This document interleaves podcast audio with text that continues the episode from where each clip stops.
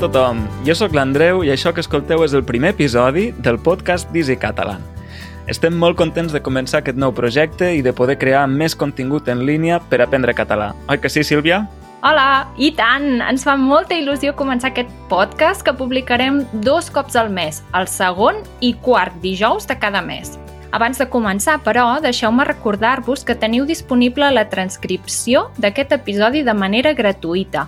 La podeu descarregar com a PDF o HTML i també obrir a Transcript Player, un reproductor que marca el text a mesura que sona l'àudio. Exacte. Aquesta transcripció també serà accessible de manera gratuïta per al segon i tercer episodi i a partir d'aleshores només ho serà per als membres de Patreon. I dit això, comencem. Segurament ja ens coneixeu a la Sílvia i a mi perquè ens heu vist en els vídeos del nostre canal de YouTube. I després de dos anys fent vídeos per a vosaltres, potser us heu preguntat més d'un cop qui és aquesta noia que us explica coses de la llengua catalana cada mes. Doncs bé, hem pensat que aquest primer episodi el podem dedicar a conèixer-te una mica millor, Sílvia, i per això et farem una entrevista amb preguntes fetes per part de l'equip d'Easy Catalan, dels membres de Patreon i de la resta de seguidors. Què et sembla? Preparada? Bé, em fa una mica de vergonya, francament, però tens raó. Penso que després de dos anys ens hem de presentar una mica millor. Va, som-hi! Perfecte. Doncs mira, tenim un munt de preguntes i molt variades. Començarem per les preguntes que et fan els membres de Patreon, d'acord? Entesos. Som-hi, doncs. Mira, el Rastor pregunta La Sílvia parla molt clar, cosa que és bo per a principiants. És professora o oradora pública?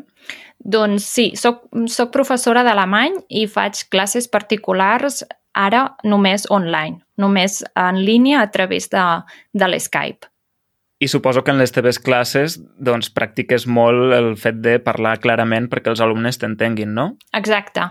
Com que són classes particulars, tot el que faig, intento sempre parlar de forma molt clara i entenedora perquè puguin, puguin entendre millor tot el que els hi estic explicant i eh, potser una altra cosa que també fa que parli de manera així molt clara és que um, la meva mare, des de sempre que no hi sent gaire bé, té, té molts problemes auditius ah. i, i jo sempre sóc la que, la que li explico el que l'altra gent diu.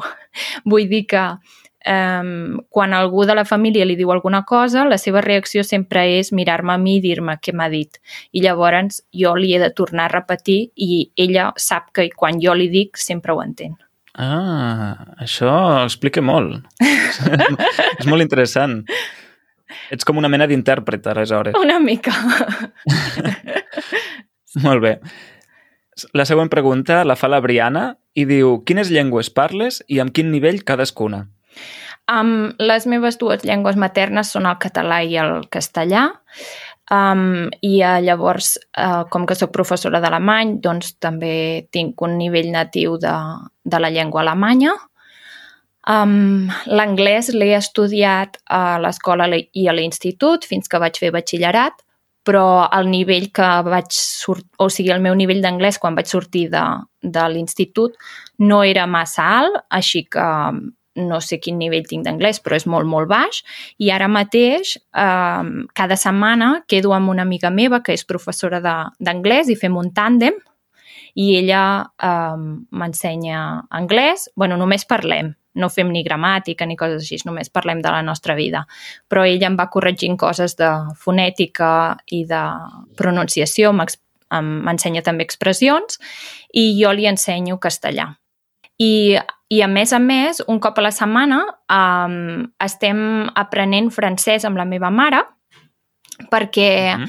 uh, però estem aprenent francès d'una manera una mica peculiar perquè uh, només volem aprendre francès per anar de viatge, o sigui, vull dir, ens, estem aprenent diàlegs per al restaurant, per l'hotel, aprenem les begudes, els menjars, o sigui que Ah, molt bé. Tampoc... Això és que teniu, teniu intenció de viatjar sí. a França, no?, a fer-hi turisme. Exacte. Entenc. Sí, exacte.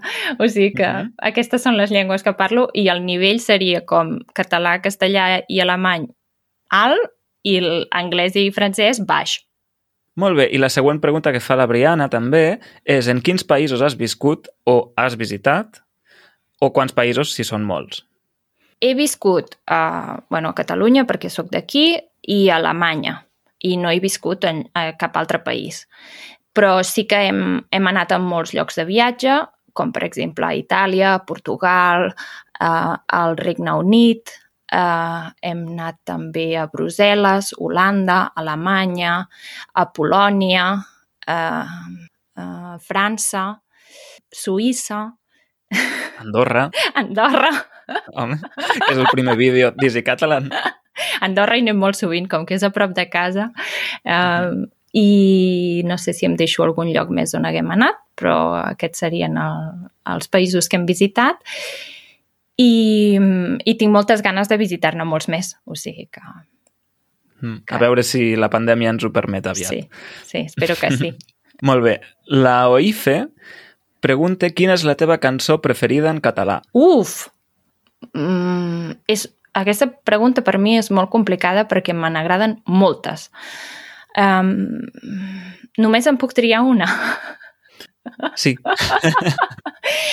doncs, si només en puc triar una, diré una que em posa de molt bon humor i que canto uh, molt, molt fort sempre que l'escolto, i és Esbarzers, és Versés. De quin grup? de la gossa sorda. Ah, no la conec. No la coneixes? La cançó no la conec. Segur que l'has sentit. Sí? Segur, segur, segur. És com un himne. sí, sí. Carai, doncs ja, ja la buscaré. Sí, sí. Doncs aquesta m'agrada molt, però és que me n'agraden moltes, o sigui, totes les cançons de, per exemple, els Pets m'agraden, uh, m'agraden les de Charango, de Buos, de... Ara n'ha tret una la pegatina que es diu Guspira o la Guspira, que és preciosa, la Oques Grasses, uh, no sé, molts, molts grups diferents. Antònia Font m'encanta, Obrim Pas, uh, Zo... Um, Bé, la llista és Sí, interminable. sí, és que no n'hi no ha una de preferida, me'n poso moltes i, i, i totes m'agraden. D'acord. I l'última pregunta d'aquest grup, dels membres de Patreon, és de Doba Daddy, bé, aquest és el seu nom d'usuari a, a Discord, Mm -hmm. uh, que pregunta quin és el teu lloc preferit del món i quin és el teu lloc preferit de Catalunya. Uf! Potser el teu lloc preferit del món és Catalunya, no ho sé. A veure, no tinc un lloc preferit, com si diguéssim. Um, hi ha un lloc que m'agrada molt, que és Alemanya, una ciutat que es diu Leipzig, que és preciosa, que Oh, sí. m'encanta. No hi he estat mai, però m'encantaria visitar-la. Doncs eh, jo hi he estat tres vegades Wow. amb diferents persones i és perquè sempre que, que algú em diu d'anar a Alemanya els hi dic sempre, doncs hem d'anar a la ciutat més bonica i, i, i anem a, a Leipzig. Però... És perquè vas fer l'Erasmus allà? En, sí, una, vaig estar vivint un, un temps també a Leipzig, però no és només això, és que, no sé, té alguna cosa a la ciutat que és, no sé, m'agrada molt. Hi ha músics pel carrer, bueno, ara, no sé, però quan, totes les vegades que hi he anat hi ha gent de veritat que són músics que es dediquen a això tocant al carrer. Um, hi ha un, un lloc molt a la vora on hi ha un monument grandiós en honor a una batalla que van fer tots els, els països, o gairebé tots els països, contra Napoleó. Um, no sé, Mhm. és, és un lloc molt bonic, molt bonic. D'acord. I de Catalunya? De Catalunya m'agrada tot. No és, no, és per, no és per fer... No és per, no és per dir un lloc concret. M'agrada eh, quan vam anar, per exemple, a Tortosa, que també hi vam fer un vídeo. Em va Sí. encantar Tortosa i el Delta de l'Ebre. Um, em va agradar molt quan vam visitar Lleida i la Seu Vella. M'encanta Girona, m'encanta la Costa Brava, m'encanta Reus, uh, que també hi vam fer un altre vídeo. M'encanta el Berguedà, que és d'on sóc jo. Uh, M'encanta tot. Vaja, que la llista també és interminable Sí. com, Sí. com amb la música. Ai, no, no, no, no, però, però vull, dir, vull dir un lloc. Uh -huh. Um, es diu Cot Lliure, uh, pertany a, a la Catalunya Nord, ja Sí. és uh, territori francès, um, i és, és un lloc que si no hi heu estat mai és molt a prop de la frontera d'aquí a, a Catalunya i és preciós, preciós. O sigui que hi heu d'anar. Doncs mira, me l'apunto perquè no hi he estat. Doncs és preciós. Molt, molt bonic. Molt bé. Doncs ara passem a les preguntes que et fan la resta de membres de l'equip d'Easy Catalan. Jo et faig les preguntes, tu les respons i després hauràs d'endevinar qui te les ha fet, d'acord? D'acord, som-hi, va. Molt bé, doncs comencem. Per què ets tan apassionada del català i l'ensenyament de la llengua? No ho sé. Um, M'agraden molt les llengües, um, m'agrada molt la meva llengua materna i, um, no sé, sempre... No ho sé, no ho sé, Andreu, és molt complicat. és complicat, sí. Sí, m'agraden molt les llengües, m'agrada molt la meva llengua materna i tot aquest projecte d'Easy Catalan el, vaig, el, vam, bueno, el vam començar entre tots amb, amb aquest objectiu, no? que, que la gent tingués més recursos per aprendre el català. D'acord. La segona pregunta que fa aquesta persona és quin és el teu plat preferit? El meu plat preferit? De menjar. Sí. Uh -huh. um, doncs fa uns anys era l'arròs a la cubana. Uh -huh. Però ara ja no em ve tant de gust, no sé per què. I, I el meu plat preferit ara és els llibrets. Llibrets normalment estan fets de llom i a dintre hi ha pernil dolç i formatge, però aquí a casa els fem, en comptes de posar-hi llom, eh, posant-hi carbassó. O sigui, és carbassó, pernil dolç, formatge, carbassó i arrebossat. I això Ah. m'encanta. Uau, Ara és el meu plat preferit. fa bona pinta. Sí, sí. Ho provaré. Sí, boníssims. Molt bé. I la tercera pregunta d'aquesta persona és tens cap mascota? I si no, quina mascota tindries?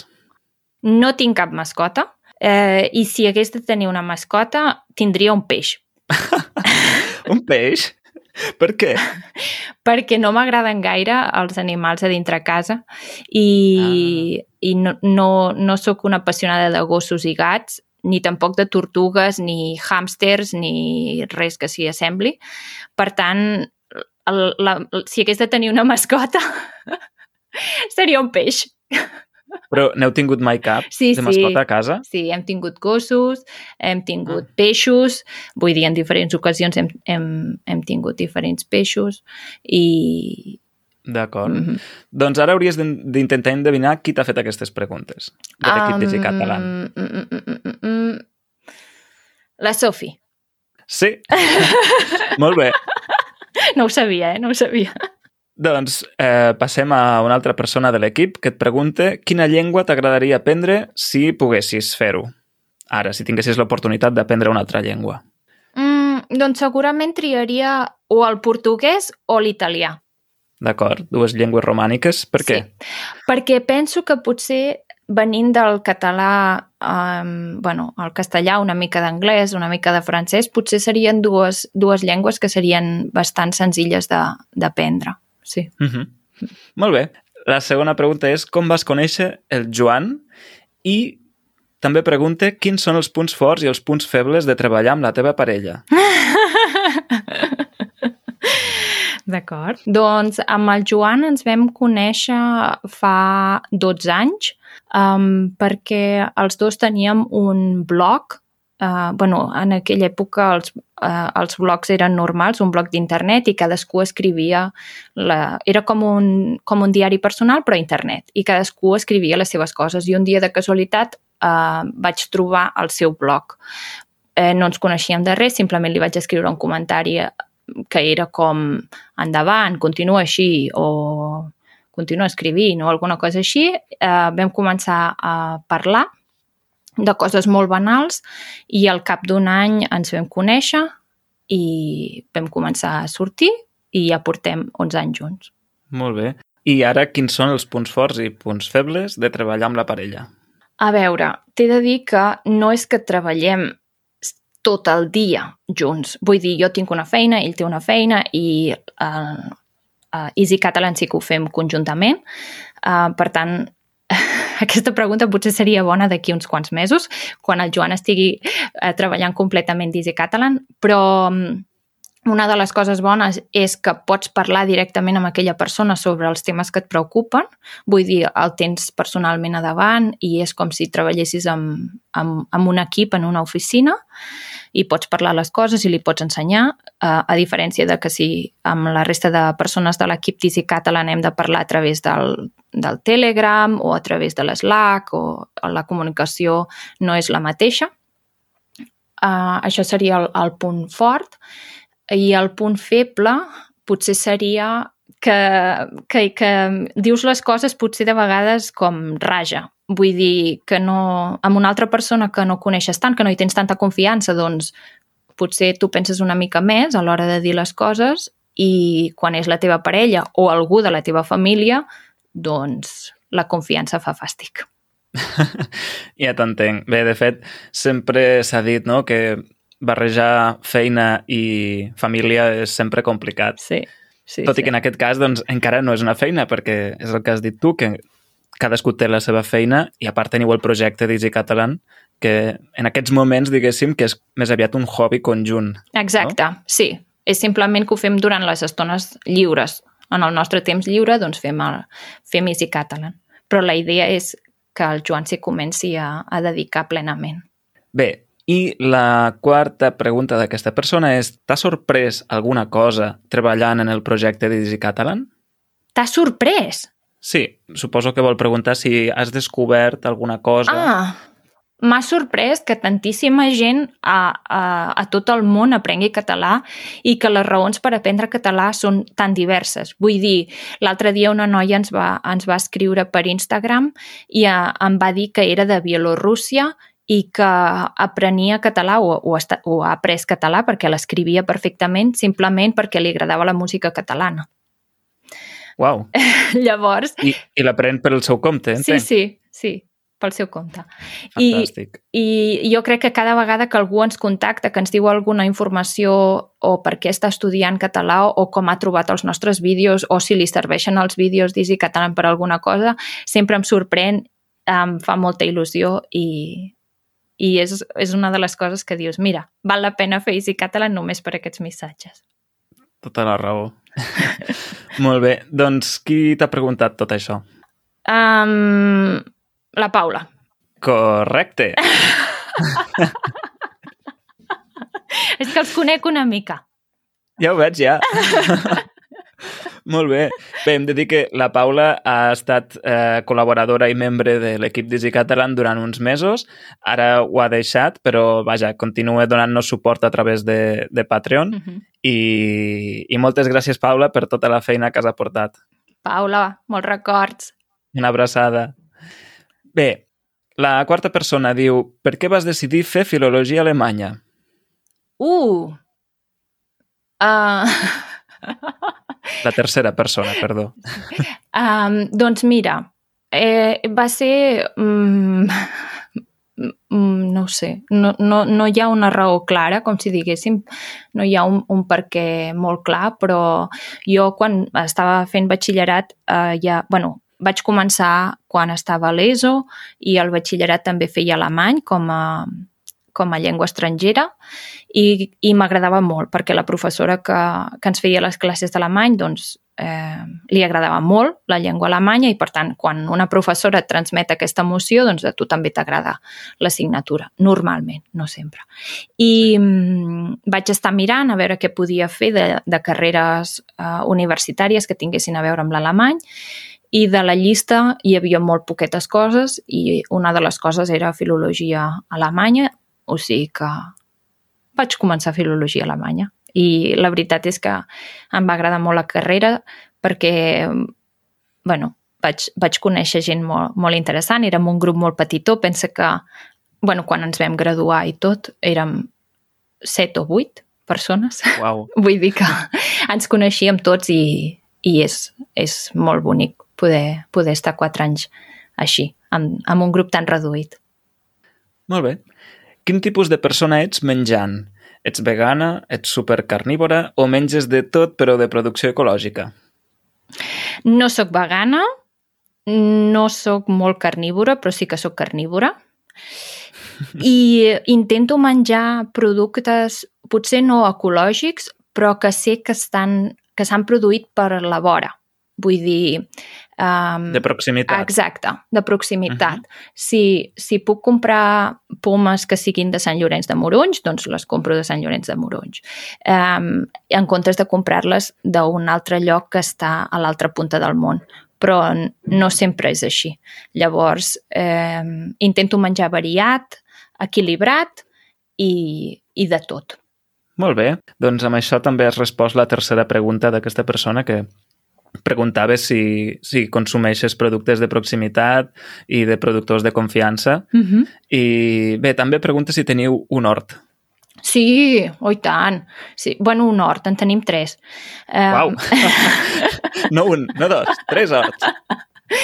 Sí, perquè, eh, bueno, no sé si ho sabeu, però vivim al, al camp, vull dir, en una, com en una casa de pagès, i tenim camps i a l'estiu normalment sempre fem hort i com que tenim molt terreny per fer-ho, ho dividim com en tres llocs diferents eh, i així si les tomaqueres no van bé a un lloc, van bé a l'altre. Molt bé. Sí. Carai, Sílvia, doncs m'has de convidar a casa teva perquè a mi m'encanten els horts i, i els vull veure. Doncs vine a l'estiu, a l'estiu hi són. Ara només tenim enciams i bròquils, que no hi ha gaire res, però, però l'estiu és quan, quan has de venir. A finals d'estiu és quan, quan collim les coses. M'ho apunto. Perfecte. Doncs qui t'ha preguntat tot això? Uh, L'Andreu. No. doncs, doncs el Jack. Tampoc. Oh, què dius? És una persona que s'ha incorporat. Ah, la Mònica! Exacte. Ah, per, per això m'ha descol·locat. Sí, de fet, t'ha preguntat per què vas decidir fer filologia alemanya, perquè ella també va estudiar això ah. i, doncs bé, tenia curiositat. Bé, tens excusa perquè no la coneixes tant, perquè no. s'acaba d'incorporar al sí. projecte. la quarta persona, ara sí, et pregunta per què vas decidir que volies ser professora de llengües perquè al fer la carrera universitària, bueno, al llarg, no? al llarg de tot, de tot l'ensenyament obligatori, batxillerat i, i la carrera universitària, vaig tenir l'honor de, de poder estar amb molts professors que no valien res. Vas tenir l'honor, dius? Sí, sí, perquè això, això va fer que veigués el que no s'havia de fer a les classes i que volgués o sigui, que, que volgués intentar fer un mètode diferent perquè la gent pogués aprendre la llengua correctament. O sigui, el veure errors de d'altra gent fa que tu no els vulguis cometre. I, I potser si no els hagués vist, no m'hagués dedicat a ensenyar alemany. Mm, molt interessant. Molt bé. I la segona pregunta és què penses de la situació actual del català a Espanya? Andreu, aquest ets tu segur. a veure, um, a Espanya. Sí.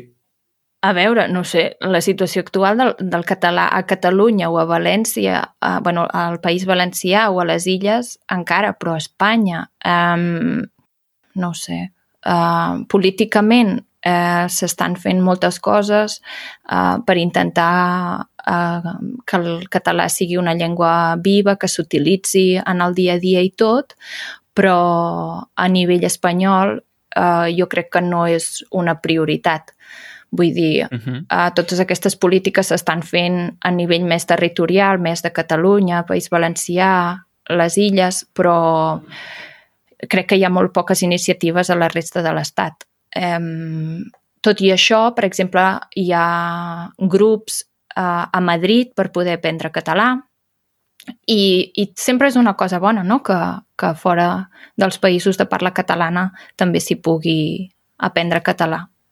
Totalment. De fet, a Espanya la veritat és que tenim força riquesa lingüística a l'estat espanyol i jo sempre he pensat que, que seria bo que en tots els instituts de tot l'estat hi hagués l'oportunitat, no dic l'obligació, però sí l'oportunitat, l'oferta, de poder estudiar la, la resta de llengües. És a dir, que des de Catalunya poguéssim aprendre una mica de gallec uh -huh. o una mica d'èuscar, uh -huh. per exemple, no? Sí, sí, sí, exacte. No sé, sempre he pensat que, que això ajudaria també a crear més, més cohesió social. Sí, segur, segur. Bé, i la tercera pregunta que et fa aquesta persona, que potser sóc jo o potser no, és quant de temps heu estat parella tu i el Joan? Que em sembla que ho has dit abans. Ja. Sí, sí, al, al desembre vam fer 11 anys. Uau, 11. enhorabona. Merci. Do, jo crec que ets tu, Andrew. doncs t'he de dir que no, no sóc jo. No? no? Doncs el Jack. Correcte. doncs mira que les preguntes... Bueno, D'acord, d'acord. Bé, i passem a la cinquena persona que et pregunta fa cinc anys pensaves que acabaries sent youtubera? És a No. dir, que acabaries tenint un canal de YouTube? No. I fa dos anys tampoc. Vull dir... No, no. I encara no em sento com a tal. O sigui, a, Mhm. el Joan sí que, per exemple, fa moltes bromes, no? És que la Sílvia ja la paren pel carrer i demanant autògraf, que és mentida, però sempre fa bromes, sempre fa bromes d'aquestes. Però no em sento en cap cas uh, youtubera ni, ni, ni res que s'hi assembli. O sigui, jo um, simplement el que penso és que estic fent uh, bueno, estem fent entre tots els, els vídeos de català perquè la gent pugui aprendre català i ja està. Em sento professora d'alemany. Mm, no, no em sento youtubera. Jo he de dir que, que tampoc m'ho hauria imaginat mai i que em fa... És a dir, posar-me davant la càmera eh, encara em fa vergonya, però penso que la causa s'ho val, no? Sí, dir, falta, sí. falta molt contingut a internet per aprendre català i nosaltres ara hem tingut l'oportunitat de crear aquest contingut i ho faig per això, Mm -hmm. principalment. Totalment, totalment d'acord, Andreu. O sigui, quan vam començar el projecte me'n recordo que jo vaig oferir la possibilitat de posar-se davant de la càmera a tothom, perquè a, a mi tampoc no era una cosa que m'encantés, i si algú que ens està veient pensa que ho faria molt millor, doncs endavant, o sigui, li deixaré el lloc Segur, enca- segurament té raó. li deixaria el lloc encantada. Uh, I simplement ho vaig fer perquè tothom va dir no, no, no, no, no, no, no. I, i vaig dir, doncs, doncs m'hi hauré de posar jo, perquè si no s'hi vol posar ningú, algú hi haurà de ser. Mm. O sigui que, sí. D'acord. I de la mateixa manera que fa 5 anys o fa 2 anys no hauries dit mai que acabaries portant un canal de YouTube, què creus que estaràs fent d'aquí 5 anys o què no estaràs fent? Jo crec que d'aquí a cinc anys ja no seré tant la imatge d'Easy Catalan. Uh -huh. Vull dir, jo crec que d'aquí cinc anys estarem fent molts més vídeos i, i podcast i coses diferents amb el projecte d'Easy Catalan i jo potser em posaré més cap a darrere i deixaré d'altra gent que li vingui de gust posar-se davant de la càmera i ser, ser la, la persona que, que coneixen més. Jo crec que aquest serà el canvi més gran respecte a ara. Molt bé. Escolta, però això és una molt bona notícia. O sigui, tu creus que d'aquí 5 anys encara farem vídeos i no només això, sinó que en farem més. Sí, sí, sí, sí. sí. Molt bé. Soc molt tossuda, Fantàstic. vull dir. Doncs ja en som dos. A més, el temps passa molt ràpid, eh, Andreu? Vull dir, Ja, és veritat. eh, ara portem dos anys i que ha sigut com obrir tancar d'ulls, o sigui, cinc anys no és res. Totalment.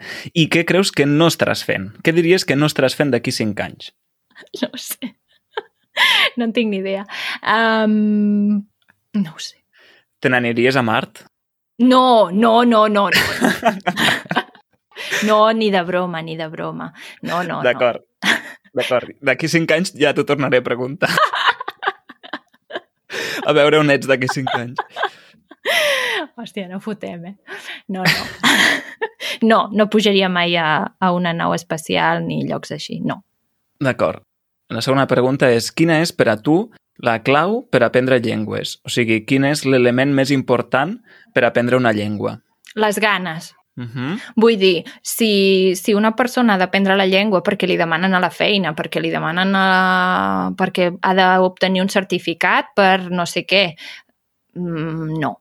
O sigui, si tu tens ganes de veritat d'aprendre aquella llengua perquè t'agraden les sèries, t'agraden les pel·lícules, t'agraden les cançons, vols parlar amb gent del país, coneixes algú que és d'allà i vols parlar amb ell en la seva llengua materna, això farà que aprenguis la llengua molt més ràpid, d'una manera exponencialment molt gran comparat amb una persona que l'obliguen o, o ho ha de fer per alguna raó concreta. Totalment d'acord. La motivació és clau. Sí, sí. Uh -huh. Molt bé. Qui t'ha preguntat això, Sílvia? Andreu, tu, no sé. Sí. sí, sí. Ara ja tenies poques opcions. Sí, clar. clar. Bé, doncs, Sílvia, amb això acabem la part de les preguntes de l'entrevista i, si et sembla bé, passem a l'expressió de la setmana. Som-hi! I bé, l'expressió de la setmana són dues expressions, de fet. la primera és posar fil a l'agulla. Què significa aquesta expressió, Sílvia? Doncs significa començar alguna cosa, iniciar un projecte, un treball... Mm, per exemple, cal posar fil a l'agulla perquè el català sigui present en tots els àmbits. Correcte. O, per exemple, quan arribem a 30 membres, començarem a publicar exercicis basats en els nostres vídeos. Per tant, Sílvia, cal que posem fil a l'agulla. I la segona expressió que hem triat és a poc a poc i bona lletra, que significa amb la lentitud necessària perquè una cosa surti bé. O, dit en altres paraules, que les coses s'han de fer amb constància i ben fetes. Per exemple, escolta, Sílvia, crec que això de les entrevistes m'agrada.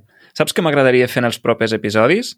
Podríem entrevistar estudiants de català d'arreu del món perquè ens expliquin les seves experiències en l'aprenentatge del català. Ostres, doncs és molt bona idea, però a poc a poc i bona lletra, eh? Que tenim molts temes per tractar i molts episodis per endavant. Exactament. Doncs ja ho sabeu, posar fil a l'agulla i a poc a poc i bona lletra. I ara, per últim, passem a la secció Easy Catalan recomana. No sé si recordes que en el tràiler que vam fer del podcast, Mm -hmm. tu em vas preguntar si aquest seria el primer podcast pensat exclusivament per aprenents de català. Sí. I jo, ingenuament, et vaig respondre que sí. Que, que si ningú ens deia el contrari, pensava que sí. Doncs bé, vaig fer una mica de cerca i vaig trobar un podcast d'una noia que es diu Judit i el podcast es diu Learn Catalan with Judit. Mm -hmm. D'acord? El podeu trobar a Spotify, a Google Podcasts i a altres aplicacions. Mm -hmm. I és un podcast amb episodis molt curts, de 4 o 5 minuts aproximadament, pensats, penso jo, per a nivells inicials. Ah. D'acord? Mhm. Aleshores, volem fer justícia i dir que el nostre no és el primer, cap, el primer podcast per a aprenents de català, n'hi ha més i eh, doncs aquest n'és un, Learn Catalan with Judith. I tant de bo n'hi hagi més en el futur, que en trobem més, que, que, no, haguem, que no el sapiguem i que en el futur s'animi més gent a fer-ne.